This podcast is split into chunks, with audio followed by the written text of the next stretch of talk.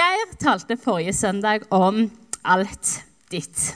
Og han begynte den taleserien som skal vare i fire uker. Jeg vil bare si i all frimodighet, selv om dette her er min mann jeg snakker om, men hvis dere ikke har hørt den, så sikrer dere at dere får hørt den. Fordi at den legger på et vis så godt grunnlaget for hva vi som menighet tenker om penger. Hva vi tror Gud har gitt oss.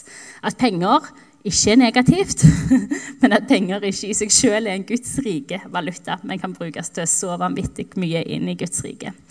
Um, men at Gud tydelig taler til oss om at det, det, er ikke penger som er vårt fundament, eller det vi har vår trygghet i livet, men at det er Han. Og det er så viktig at vi sikrer oss at vi, vi har vår trygghet og vi har vårt fundament der hvor Han er.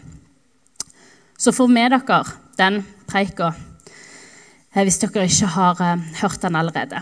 Så hvis en skal oppsummere hva Geir snakket om forrige uke, så var det alt jeg har fått, det har jeg fått av Gud. Hvis jeg skal oppsummere hva jeg har tenkt å snakke om den neste halvtimen, så er det alt jeg har fått, det gir jeg tilbake. Alt jeg har fått, det gir jeg tilbake. Eh, når Geir og jeg og Elling satte oss opp eh, i god tid før dette semesteret Kanskje det var i november en gang og skulle se hva i alle dager skal vi snakke om dette semesteret. Temaene hadde på et vis vært oppe der, men nå var det liksom datoer, temaer, hvem skal tale når. Så kommer vi til første søndag i januar. Åpen himmel. Ja, det var greit. Andre søndag i januar, ja, da må vi få pappa inn til å tale. Han har vært ikke et halvt år. Vi vet at Gud har gitt han masse. Vi må sikre oss at hele menigheten får fattig av dette. her. Ja, det er greit. Parentesen er, hvis dere ikke har hørt de talene heller, fra 13. januar, G11 om dåp, G18 om hva som lå på pappas hjerte, sikre deg at du får hørt dem, for det er steinbra materiale. Og så kommer vi til neste søndag, 20. januar. Og jeg så at Jeg hadde jo hørt det før, men nå fikk jeg det liksom svart på hvitt. At der sto det fire søndager med Da hadde vi ikke tittel ennå. Da det sto penger. Så sa jeg bare jeg vil ikke snakke om penger. Dere snakker om penger. Og Elling og Geir sa du må òg være med og snakke om penger. Jeg sa nei, jeg tror ikke det. Dere, dere tar det. Jeg blir med på noe annet. Og så sa de ja, ja, vi lar det stå litt åpent. Og så så vi de neste. Der var det liksom noen sånne fribolker. Og så registrerte jeg at de fire neste etter der, det var seksualitet. Så jeg sa jeg tar penger, eller Jeg vil mye heller snakke om penger. Så jeg, er altfor bluferdig til å snakke om seksualitet. Ja, så jeg er kjempeforventningsfull til at vi skal snakke om penger i lag. Det som er så bra, vet du, at jeg er gift med Geir, han har vært ungdomspastor i X antall år. Og han er jo sånn Jeg tar alle fire om seksualitet. Jeg er klar! Han skal ikke det, altså, men han kunne godt ha gjort det. Som en god kombinasjon, jeg og han. Som er, Men vi skal ikke snakke om seksualitet nå. Vi skal snakke om penger. Men når jeg fikk temaet, så tenkte jeg ja, men dette temaet dette, dette syns jeg er fantastisk. For vi skal snakke om raushet i dag. Og jeg elsker raushet. Og parentesen, Jeg hører jo at veldig mange sier at ah, når du snakker om penger, så er det fort at folk har liksom litt sånn piggene ute eller syns dette er litt krevende. Og helt ærlig så, så har ikke jeg tatt så veldig sånn hensyn til det når jeg har forberedt denne preika. For jeg har bare tenkt Gud, hva tror jeg du har for oss når det gjelder disse her tinga? Og så har jeg tenkt at det er det jeg har lyst til å formidle. Og så pleier de av og til å si når jeg underviser på ACTA, at jeg er den strengeste læreren som de har der nede. Og det kan jo ikke jeg forstå, for jeg er så trivelig. Men de sier nå iallfall det. Men jeg tror kanskje at av og til, spesielt når det gjelder sånne ting som dette her, at jeg kan være litt tydelig òg. Men dere tåler det, gjør dere ikke det? Den store ildtesten er jo kommer jeg til å begynne å grine i dag når vi snakker om penger. Det er jeg ikke gjøre tilfellet. Ja, ja. Men vi skal begynne å snakke om raushet. Eh, og jeg elsker raushet. Jeg elsker at jeg får lov til å være en del av denne gjengen her, som er vanvittig rause. Og jeg elsker at eh, ryktet om hvem denne gjengen her er, er at dere er vanvittig rause. Um, og det er viktig for meg å begynne der. Uh, og samtidig så er, tror jeg dette her med raushet det tror jeg er en sånn livslang øvelse for oss. Det er noe vi aldri blir liksom utlærte på, aldri blir ferdige med. Det er noe vi alltid har mer å vokse i, mer land å innta i, fordi at dette her er Vi tilhører jo han som er rausest av alle. Vi har en modell som er overmåte raus, som har mye å strekke oss etter. Um, men er det noe jeg har lyst til at vi som menighet skal være, og vi som enkeltmennesker og Jesus etterfølgere der som er noe vi skal være skikkelig gode på, så er det å være rause. Vi skal være skikkelig gode på raushet, for jeg tror det er skikkelig Jesus-likt. Jeg tror det er en helt naturlig del av det å være en Jesus-vitnefølger. Det tror jeg er å leve et raust liv. For det er jo ingen av oss som tror på en gjerrig Gud, er det det? Altså, Vi har altfor mange historier på Jesus som er en Gud som, som langt ifra holder alt det gode for seg sjøl. Han deler det jo ut så vanvittig raust. Og det er jo fullstendig naturstridig hvis vi tror på Han som er den rauseste noensinne hvis ikke vi som hans folk modellerer det i tillegg. Er dere enige med meg i det? Ja. Bra. Noen av dere er enige med meg i det. Vi skal snakke mer om det. Jeg tror det er der vi er nødt til å begynne. Når vi skal snakke om raushet, så må vi begynne å snakke om han som er den absolutt og desidert rauseste av alle, og det er Gud. For det er jo sånn at Gud han ber oss aldri om å være noe som han sjøl ikke er. Han ber oss aldri om å gjøre noe som han sjøl ikke gjør, eller noe som han sjøl ikke allerede har modellert. Er dere enige med meg i det? Ja. Det er, hvem, det er, jo hvem, han er. Og vi har ingen, ingen, ingen bedre forbilder på raushet enn det vi har i han. Og det er drøssevis av eksempler på Guds raushet og Jesu raushet. Både når vi leser Det gamle testamentet og når vi leser i Det nye testamentet. Det er fullt av eksempler på en Gud som er vanvittig rause. Vi tror jo at det er sant, det som det står, at alt vi har fått, det har vi fått av Gud. Han som er alle gode tings giver, og han som ikke engang sparte sin egen sønn. Det er liksom målet som han måler opp med for å være raus med oss. Men hvis jeg skulle liksom velge meg ut én meg og Elling lo litt av dette her på forhånd, for dette er jo liksom sånn, dette er en sånn bibel, en bibel, en salme. Salme 23. Det kan vi jo bruke i alle anledninger. Det er jo helt riktig. Men jeg syns han passer spesielt godt inn i det som har med raushet. For når vi leser i Salme 23, så hele denne salmen den handler om Guds godhet. Hvordan Gud er til stede med sitt nærvær, med sin kjærlighet og med sin kraft i alle deler av livet. De gode dagene, i de krevende dagene, i de dagene hvor du føler du går gjennom dødsskyggens dal. Men de siste versene, vers 5 og vers 6, så står det du dekker bord for meg like foran mine fiender. Du salver mitt hode med olje, mitt beger renner over. Bare godhet og miskunn skal følge meg alle mine dager, og jeg skal bo i Herrens hus gjennom alle tider. Jeg elsker disse versene fordi de taler så vanvittig store ord. Det bare maler ut hva Guds godhet er. Det er ikke bare sånn jeg gir deg litt av det jeg har til overs. Jeg gir deg en skalk på benken, jeg gir deg noen dråper i fjeset eller et eller annet. Det er Jeg dekker bord for deg. Rett foran øynene på fiendene dine. Jeg salver hodet ditt med, med, olje, sånn at det flyter over hele kroppen. Sånn at begeret ditt renner over. Bare godhet og miskunn i den gamle oversettelsen sto det skal etterjage deg alle dine dager. Guds raushet for oss. Det er, bare, det er bare malt ut på en måte som sier at Gud sparer ikke på noen ting i møte med oss. Og det er hans hjerte for våre liv. Han lengter etter å øse ut av sin godhet på våre liv på alle områder, for det er hvem han er. Og det er det hvem han stadig modellerer stadig vekk i, eh, i Skriften. Eh, og jeg tror vi er nødt til å, å, begynne der. Vi er nødt til å være klar over at Gud kalles alle gode tings giver av en grunn, for det er hvem han er. Han er en god giver, og han er en glad giver. Han ber ikke bare oss om å være en glad giver. Han er en glad giver. Og han elsker Han elsker å være god mot oss. Og Det er derfor han vil Jeg tror det er derfor vi må begynne der. Han elsker å være god mot oss. For hvis ikke, Når vi skal begynne å snakke om raushet, så handler det om alle tingene vi skal gjøre eller gi ut. Men det er nødt til å begynne med at han er en som har så vanvittig lyst til å overøse ditt liv med sin godhet på alt sitt vis.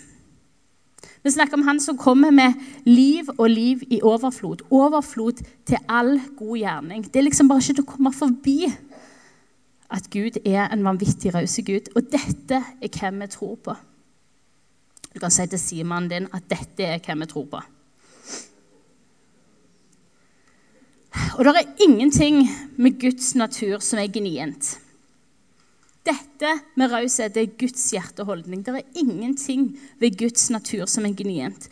Og Hvis vårt bilde er av en Gud som sitter og holder på alle disse her gode gavene for seg sjøl og kvier seg med å dele de ut, og på et vis bare gir liksom smulene av det han har, så tror jeg på den ene sida at vi er nødt til å omvende oss. Og på den andre sida tror jeg vi er nødt til å lese Bibelen på ny og på ny og på ny og på ny, og på ny for at hans sannheter skal bli våre sannheter. For de bildene som Guds ord gir oss, det er av en Gud som lever vanvittig raust. Um, og som har sin overflod, nei, har sin glede i å gi oss av sin overflod, i å overøse oss med den. Eh, og en gang for alle Gud han er ingen sånn overtoller som sitter i himmelen og som vil ha inn pengene dine, og som vil helst ha inn litt ekstra enn det du egentlig hadde tenkt at du skal gi, og som ikke er fornøyd med hvem du er, eller som, som krever sånn og sånn og sånn av deg. Dette er ikke Guds hjerte. Gud, han har alt han trenger. La oss bare si det sånn med en gang. Gud, han har alt han trenger. Han har gitt oss alt vi har. Og så er det sånn at det egentlig er et privilegium for oss å få lov til å gi tilbake igjen til han. Vi skal begynne med å bare, bare be akkurat inn i det. For jeg tror at um, det er så viktig for oss at, vi, at det er der vi, vi, vet at dette er Guds hjerteholdning for våre liv. Ikke å få mest mulig ut av oss, men å overøse oss mest mulig med sin godhet. Og så blir alt andre underordna. Men hvis du tenker vet du hva, Gud, jeg vil forstå enda mer av din raushet i mitt liv, så kan du legge hånda di på hjertet, så skal vi be. Gode Jesus, jeg takker deg for at dette er hvem du er. Takk for at du aldri ber oss om å modellere et eller annet som du ikke er, eller som ikke du allerede har gitt oss.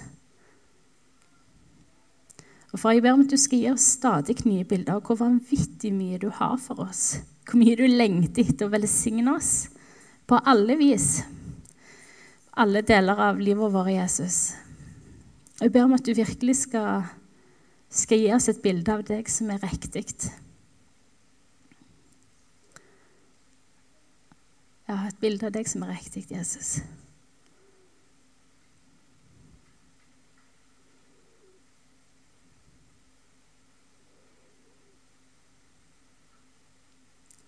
Og Jesus, Vi ber helt konkret om at alt dette her som har med penger og økonomi og ressurser å gjøre, skal få lov til å være noe vi får gi deg tilbake igjen. Ikke noe du krever av oss, men en tilbedelseshandling i seg sjøl. Amen. Så raushet, det er viktig for Gud. Og så er det jo sånn at Gud og Jesus og Den hellige ånd vi kan være enige om at de er enige i dette. her. Det er en grunn til at de kalles treenigheten i et utgangspunkt. Og det er jo ikke til å stikke under en stol at dette med penger det er en varm potet i dag. Det var òg en varm potet den gang. Men det er en grunn til at Jesus snakker vanvittig mye om det. Og jeg tror ikke Jesus snakker mye om penger fordi at han trengte penger, men fordi han visste at vi trengte at han snakket om det. Eh, han visste at vi trengte å ha et riktig forhold til penger. For hvis vi begynner å surre med hva vi tenker penger er, så er vi stein, på steintynn is. Både for hva prioriteringene våre er, hva ambisjonene våre er, hvor bekymringene våre er, hvor eventuelt friheten våre er, hva vi måler suksess i, hva vi måler ambisjoner i. Hvor vi har hjertet vårt, egentlig. Og jeg tror det er derfor det er så vanvittig viktig for Jesus at vi tar dette her på alvor.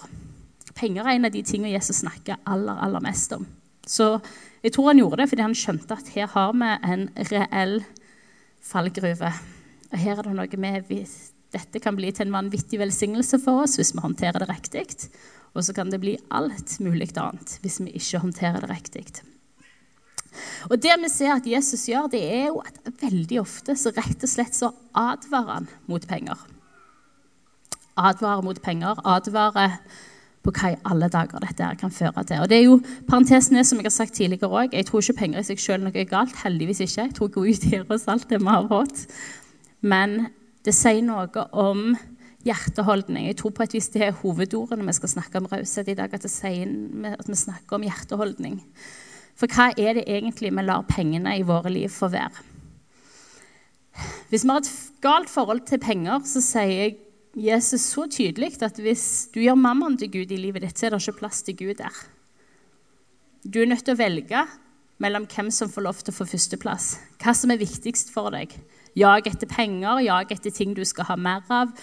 Tidvis kaller han det for rikdommens bidrag. Og Det er litt sånn svære ord i 2019 å sitte og snakke om disse her tingene her. Så tenker jeg, vet du hva, jeg tror det er vel så viktig at vi snakker om det i 2019 som det var når Jesus levde. For vi lever i et samfunn hvor hvis vi ikke adresserer disse her tingene her, så adresserer vi ikke noe av de tingene som jeg tror er aller viktigst at vi gjør for at vi beskytter hjertene våre. Er dere enige med meg i det?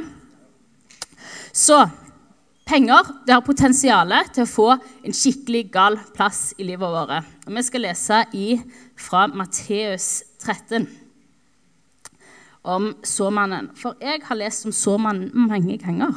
Jeg har jo til og med hørt den fra jeg var bitte, bitte liten. Men det var noe nylig jeg oppdaget når jeg leste eh, denne historien, at jeg la merke til det som vi skal gå gjennom. Konteksten er at Jesus har um, gått ut av huset.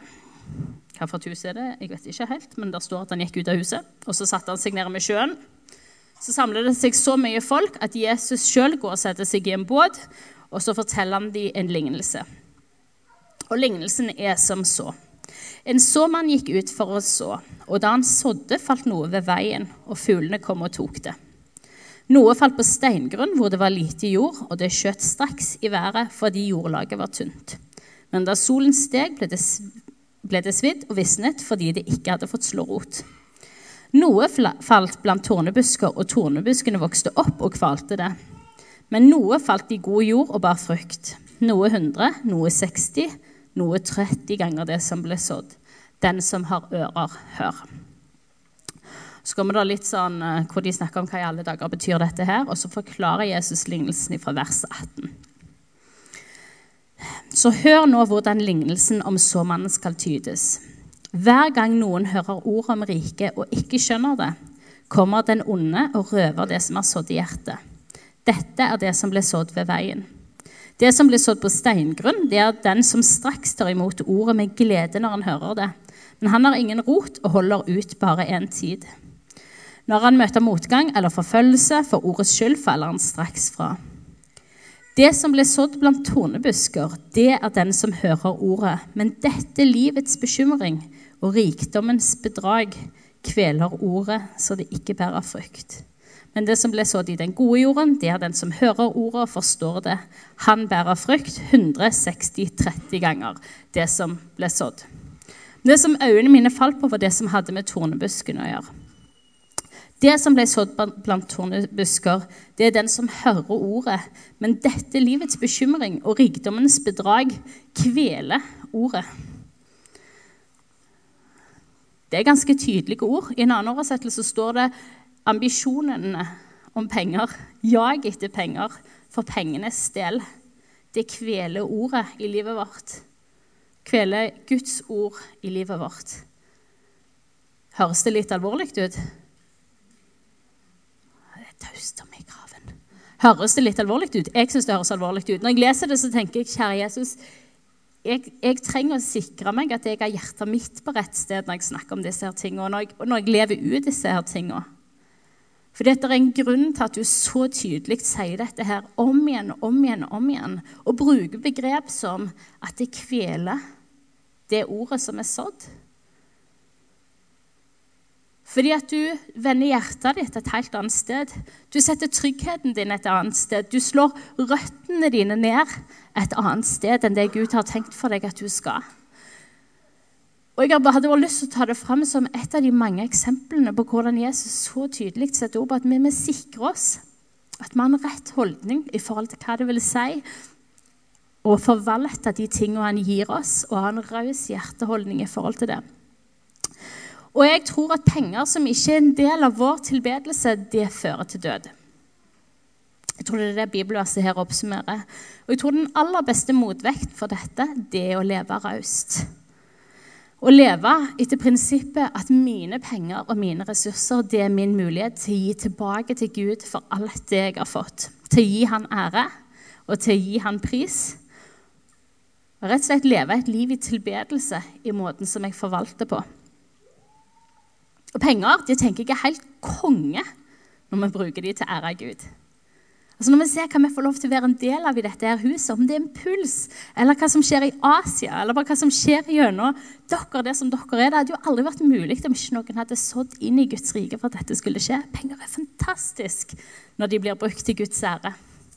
Men vi må sikre oss at det er akkurat det de blir gjort til. Og jeg tenker at Når vi kan få vite at det vi har fått, det kan vi gi tilbake til Gud, og så tenkte jeg sånn at vi kan ha litt en sånn delingsøkonomi med Gud. Det tenker jeg, det er veldig mye vind for det på våre veier. Så vi kan ha delingsøkonomi med Gud. Jeg tror han har langt bedre økonomi enn det jeg har. for å si det sånn. Men jeg sier, Gud, hvordan forvalter vi disse pengene her? Hva i alle dager er det vi skal bruke disse pengene som du har gitt oss, Jesus? Hvordan, hvordan bruker vi disse på en måte som ærer deg? Hvordan bruker vi disse her pengene sånn at dette blir såkorn i ditt rike? Hvordan får jeg lov til å behandle dem på en måte som gjør at det blir lovprisning i seg sjøl, det å gi disse der som jeg gjør dem? Og så er det jo sånn at Uavhengig om jeg forvalter svære mengder eller om jeg forvalter små mengder, så har ikke det noen ting å si. For det har noe om hva hjerteholdning har jeg i forhold til det jeg faktisk har fått.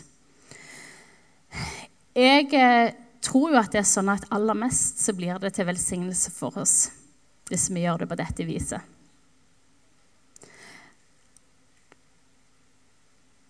Det blir aller mest til velsignelse for oss hvis vi gjør det til han. Det beste eksempelet jeg har, er han gutten som hadde fem brød. Fem brød og to fisker. Fem fisker og to brød. Han hadde iallfall en bitte liten matpakke. fem, fem, brød.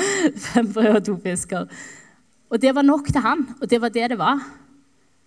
Og så vet han mest sannsynlig at hvis han gjør det fra seg, så har ikke han mer mat igjen. Det var det han hadde med seg. Kostet han å gi noe fra seg? Ja, det var bare en matpakke, kan vi si. Ja, men det var den matpakken han hadde. Men fordi han gir det fra seg, så blir det til en vanvittig velsignelse for mengder av mennesker. Så blir det en historie om hva Gud gjør når vi gir det lille vi har, til han. Så jeg tenker ikke la dette her med, med, penger og når vi snakker om det, ha noe å si i forhold til, til hva kvantum du disponerer. Men hva hjertet ditt er i forhold til de tingene du har, og de pengene du har, og måten du ønsker å la det få lov til å være en måte å tilbe Gud på.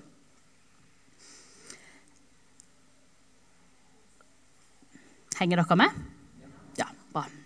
Så raushet er en hjerteholdning. Og det er på et vis kanskje det som er hovedessensen i det jeg har lyst til å, at vi skal sitte igjen med i dag. Så du kan si det til sidemannen din. Raushet er en hjerteholdning.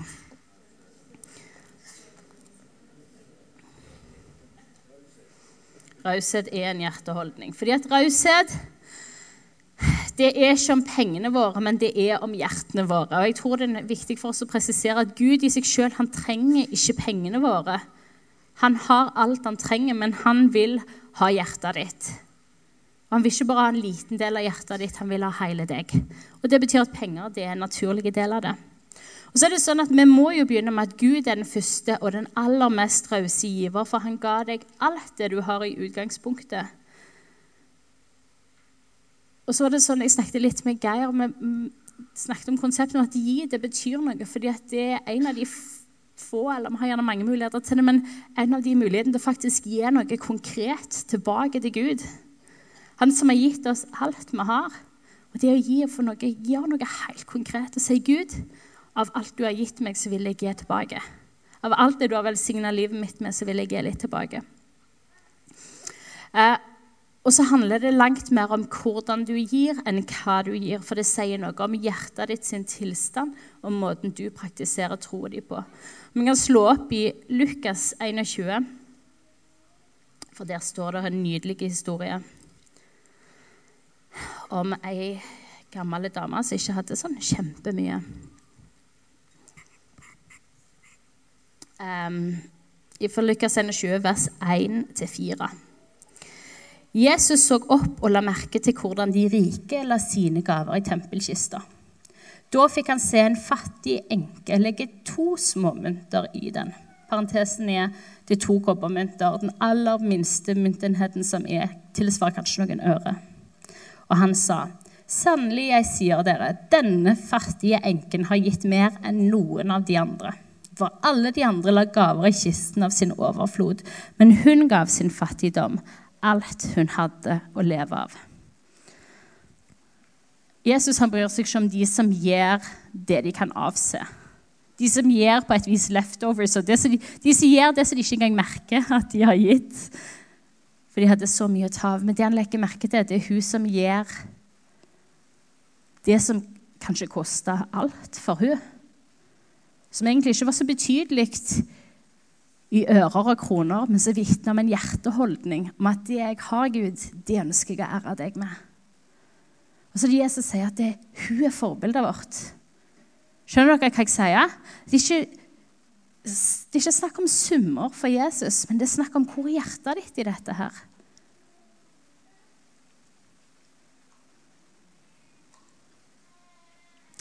Det var en som sa det sånn at det er lett å gi det som du aldri vil savne, men det er jo veldig mye mer krevende å gi det som faktisk koster. Og jeg tror Gud av og til utfordrer oss på å gi oss gi der det koster òg. Gud ber oss om å gi, oss, gi Han av førstegrøten. Fordi at han gir det beste til oss, så vil han ha det beste tilbake igjen. Og jeg tror det er noe riktig i det. Og så tror jeg helt ærlig at for Gud er det mest fordi at det fører til frihet i våre liv. At vi skal få gi oss av og til òg når det koster. Fordi at det sier noe om at det er viktigere for meg, Gud, at jeg får ære deg med det jeg har, enn at jeg sikrer meg at jeg har min trygghet i dette her. Så det gjenspeiler hjerteholdning. At vi ikke bare gir det vi merker vi aldri har gitt, men at vi gir så det gjenspeiler ønsket vårt til Gud, om å få ære Han. Og lite eller stort i menneskers øyne det er egentlig ikke relevant, men det skal gjenspeile et ønske og en bevissthet om at jeg har en mulighet til å tilbe Han, og den vil jeg benytte meg av. Og har du fått mye, så har du fått et ansvar som er alvorlig at du tar på alvor. Og jeg vet at det er mange som er her inne som har blitt tiltrodd mye, og som er mine helter i måten som dere forvalter det på og som òg gir når det er sånne summer som gjør at det er forholdsvis utfordrende å gi de videre.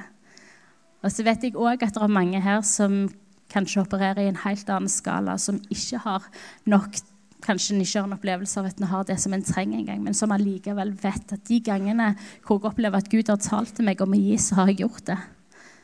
Og dere er mine helter òg. For det sier noe om at uavhengig av inntekt, eller uansett av utgangspunktet, så er hjertet mitt Gud, kan jeg få lov til å bruke det jeg har, på å ære deg. Og dere er mine helter, for der, der vil jeg òg være. Der ønsker jeg at vi alle skal være. At vi skal være sånn i delingsøkonomi at vi er klar over når Gud sier vet du hva, jeg syns at du skal så inn i dette her. Så handler jeg på det, selv om det kanskje koster meg litt.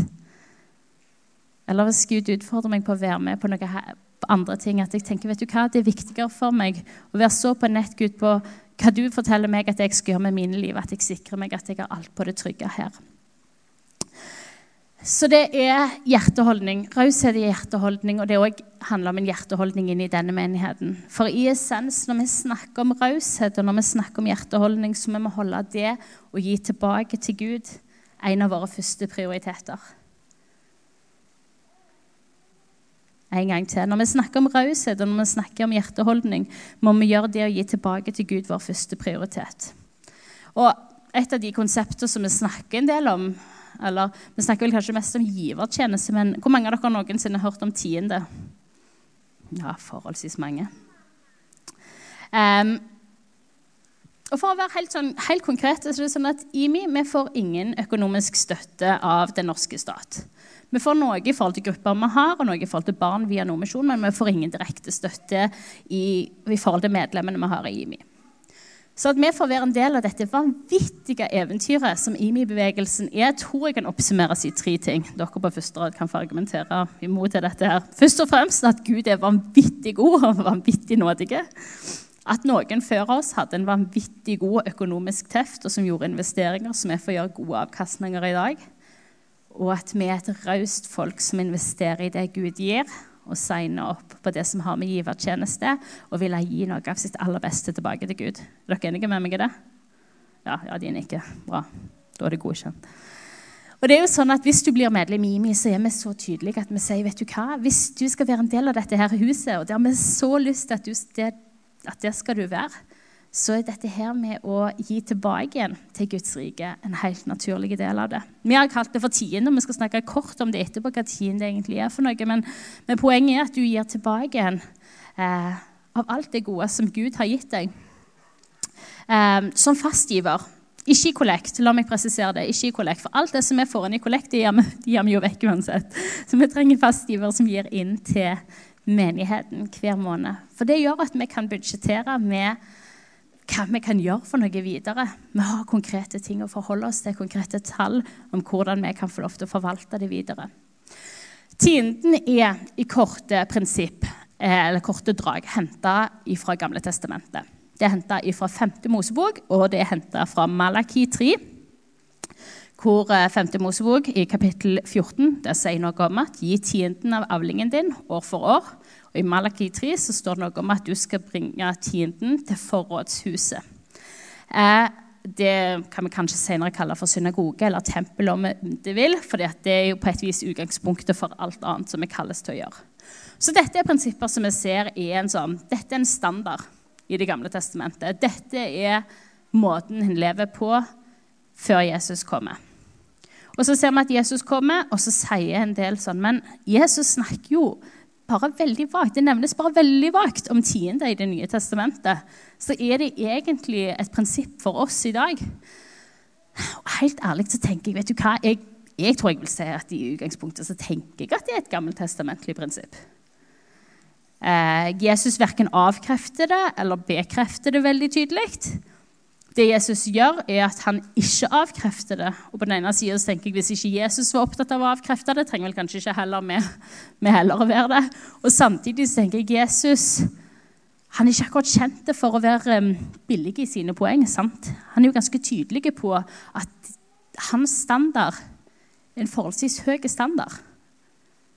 Er dere enige med meg i det? Det vil si at uh, han snakker sjelden om tiende, men det han snakker om, er at jeg vil ha alt. Hva er det han sier til de rike som kommer til ham, som vil følge etter ham? Han sier, 'Selg alt og gi det til de fattige'. Forlat alt det dere har, for å være en del av det jeg har. For å være, følge etter meg. Det er det vi ser i apostlenes gjerninger òg. De hadde alt felles. Geir sa det forrige uke. Det høres jo egentlig himmelsk ut for meg nå skal ikke jeg overdra det som et prinsipp for oss alle. Men utgangspunktet er at vi kan gjerne si at Jesus ikke poengterer tienden, men det han poengterer, er en langt høyere standard enn 10 eh, Og det tenker jeg vi bare skal la oss utfordre oss av. Så jeg tenker at Inntil videre så er tienden et veldig godt prinsipp, men jeg tror ikke den er fra livet ut. For jeg tror tienden den er først og fremst ment til å være et utgangspunkt for oss. En øvingsarena. Jeg gir 10 Gud, skal vi fortsette å være på 10% eller kan vi, kan vi strekke oss? Utfordrer du meg på å så inn i noe annet helt konkret? Hvordan bruker jeg de pengene? Så tienden, det tenker ikke jeg er målet. Tienden i utgangspunktet. Skjønner dere hva jeg mener? Dere skjønner hva jeg mener. Det er et godt prinsipp, men det er bare utgangspunktet. Og så skal vi utfordres på å ikke gå fast i det, men være stadig i dialog på Gud. Hvor skal, forvalte, hvor skal vi forvalte de pengene som du har gitt meg? Og jeg tenker at En bit av dette er det å lære dette til hele familien fra ungene er små. Anne Tjomsland kom til meg forrige søndag når Geir talte og sa bare, du, jeg må bare si noe som jeg tenkte på, å, dette må jeg huske å si neste søndag. For Hun fortalte om hvordan når de kom inn i menigheten og de begynte å snakke om tiende, og begynte å praktisere det, så sa ungene hennes men det vil vi òg. Vi vil òg gi tiende. Vi, vi vil òg være en del av dette her som dere gjør. Og lære ungene fra tidlig av at det er en helt naturlig konsekvens for oss å gi si takk tilbake til Gud for alt han har gitt oss, med å gi tilbake igjen.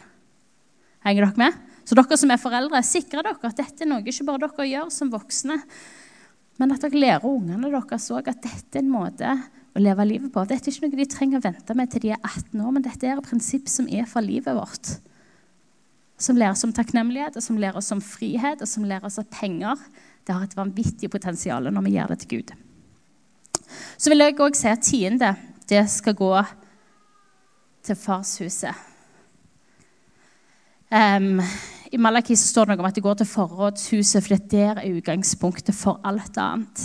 Og vi gir til masse fantastiske formål, og det skal vi fortsette å gi, for vi er en vanvittig raus gjeng. Men um, den fastgivertjenesten som vi har, den er superviktig at vi som medlemmer, og vi som kjenner at dette er vårt hjem, at her investerer vi både pengene og hjertet vårt i. Fordi at det det er ut ifra det som skjer her, at alt det andre vi ser, skje. Det er ut ifra her vi kan se en puls. Det er ut ifra det som skjer her, vi kan se hva som skjer i Kambodsja eller Asia. Det er ut ifra det som skjer her, at vi ser alt annet videre skje. Og jeg tenker at Vi kan operere med, kanskje med to konsept på den måten. der, og Det snakker om det, det som vi har som er fastgivertjeneste, den tienden som vi gir til farshuset. Og så har du det som jeg kan kalle for kjærlighetsgaven, som du kan gi inn der som du kjenner at Gud taler konkret til deg. Men 10% det tenker jeg at det er helt naturlig at det går til farshuset. Og så har du 90% du kan gjøre nesten hva du vil med. Bare jeg ville vært i dialog med Gud om det først. Men 10 til farshuset. For um, det er en måte å investere i dette stedet som jeg kaller hjem. Det er en måte å investere i dette stedet. Og Sannheten er at dere er en del av en lang historie av folk før dere som har investert. Og jeg har lyst til at dere skal få høre litt om det. Um, for det er en mann fra tidenes morgen som har kommet hit. men, uh, men, jeg tenker det er noe med at dette her er ikke et sånn nytt fenomen som vi har drylt til med denne måneden her i 2019. Men en hel del av de tingene vi får være en del av dette eventyret som, som, denne familien her er, det har sitt utgangspunkt i vanvittig mange rause folk før oss. Og det skal vi både kjenne at vi får lov til å være takknemlige for, og inspirere oss av. Skal jeg si noe nå?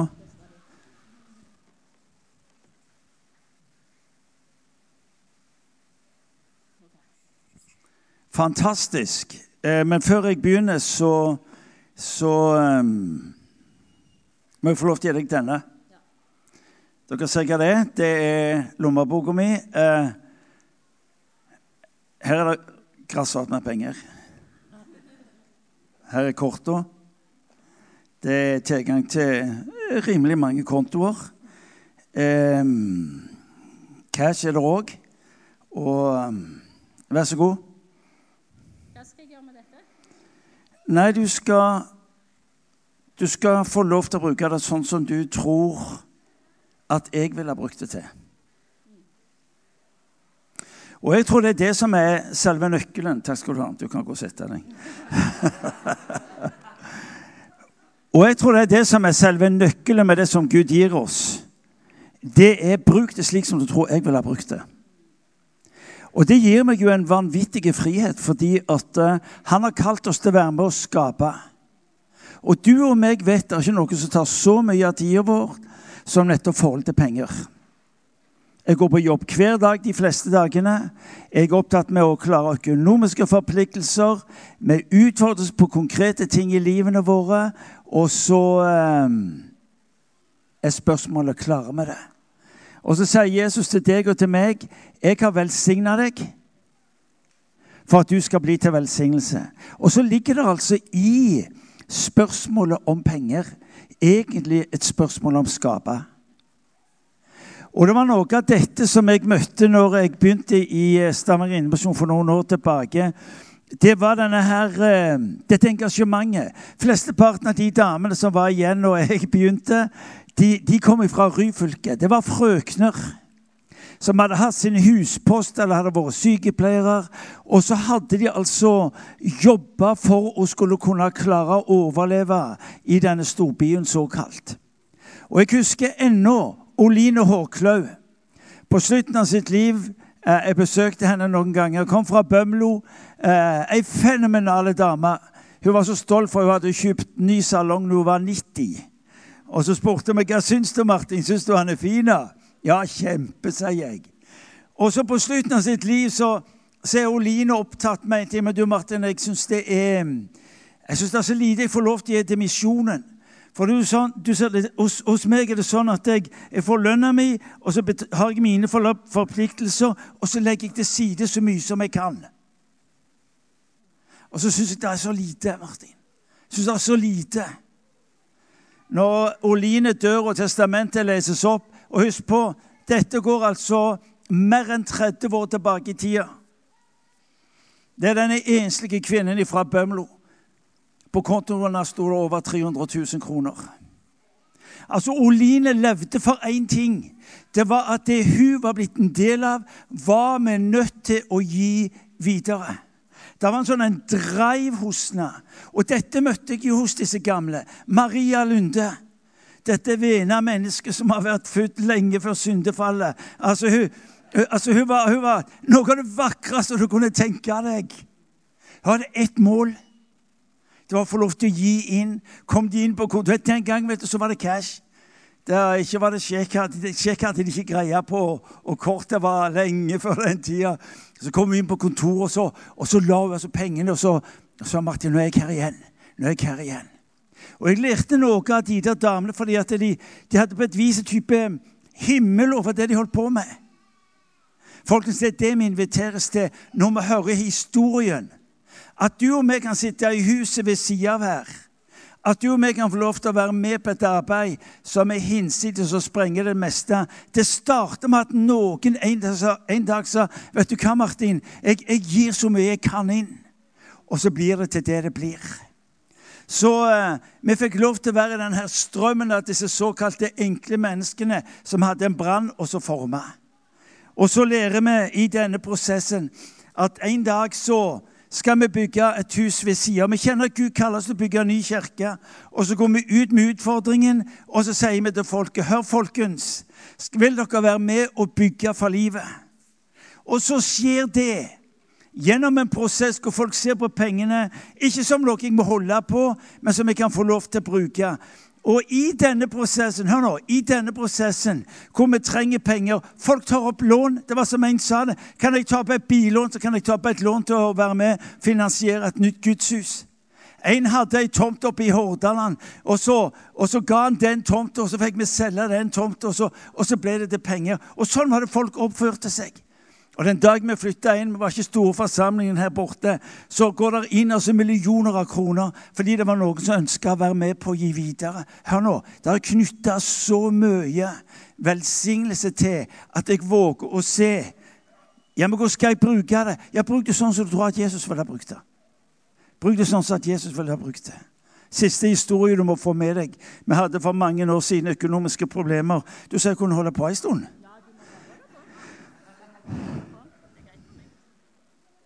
Vi hadde økonomiske problemer, og det var rimelig svære problemer. Og så sier styret til meg ja, vi må, må, gå ut, så må vi utfordre medlemmene til å gi mer. Og jeg tenkte det, det kan vi ikke gjøre. Jeg kan ikke mase om mer penger til medlemmene våre fordi at vi strever med økonomien og fordi at vi vil så mye. Så jeg, nei, vet du hva vi gjør, sier jeg. Jeg foreslår vi gir vekk alle kollektene. Og så sa de en gang til. Nei, jeg foreslår vi gir vekk alle kollektene. Det kalles for manipulering. Ja, hva mener du med det? Jo, det står at 'gi, og du skal få'. Vi kan ikke bare si det til enkeltmennesker, vi må jo gjøre det som menighet òg. Og vet du hva som skjer? I det øyeblikket hvor vi gir ut pengene, gir ut kollektene våre, så tripler plutselig kollektene. De øker fra 10 000 til 30 000. Ja, Men det hjelper ikke menigheten, for vi ga det jo ut. Men det betydde at givertjenesten vår, der hvor folk ga inn regelmessig, de, de begynte plutselig å tenke annerledes. Og så får vi se hvordan det vokser fram en, en givertjeneste som gjør at folk er begeistra fordi de skjønner jeg holder på å skape. Det du og meg dypest sett gjør med våre penger, vi holder på å skape. Og så får vi se hvordan økonomien løfter oss til å være en del av noe vi aldri i den villeste fantasi hadde trodd var mulig. Når Elling og meg sitter der i, i, Bangkok og ser hva som skjer, så tenker vi dette er helt insane. Men det starter med at folk tenker OK, dette har jeg fått. Hvordan vil du bruke det? Og så betyr det at du må høre etter. Når du får penger, overraskende gaver, du har god økonomi, ja, så spør jeg ja, hva vil du skal gjøre med det? La meg være dønn ærlig med dere. Jeg fikk en gave. eh, Nå skal dere høre hvordan, hvordan jeg resonnerer, men dere kan lære av det. Fikk en gave mens jeg var i et annet sted, og det var rimelig mye penger. Og mitt spørsmål var Gud, hva skal jeg gjøre med dette her? Hvorfor får jeg disse pengene? Og så fikk jeg lov til å gi vekk betydelig med penger til mennesker som jeg skjønte at de folka trengte. Jeg visste ikke utgangspunktet, men du skulle bare ha visst. Hvor mye hadde igjen? Ja, Det var ikke mye. Men jeg var med på å skape. Jeg kan ikke tenke meg noe mer meningsfullt enn å være med mesteren og si du, hva gjør jeg nå? Du har gitt meg dette her. Hva betyr det? Og så får jeg lov til å se, og så får jeg lov til å handle, og så får jeg lov til å se at dette har betydning i folk sine liv. Så jeg tar den med meg, jeg, og så får du ta ansvar for de. Det er så dårlig gjort, det. Jeg fikk en sånn. Vi skal avslutte, og Elling, du kan få komme opp, for du skal få avslutte helt sånn skikkelig. Men utfordringen vår skal være at vi er kalt til å være et annerledes folk. Og Hvis vi tror på en annerledes Gud, så må det prege hvordan vi forvalter de tingene vi får ha. Og Det er et privilegium for oss å få lov til å både ta imot og forvalte og gi tilbake igjen. Eh, og investere i eh, de generasjonene som kommer etter oss. For det er jo i all hovedsak det vi egentlig gjør.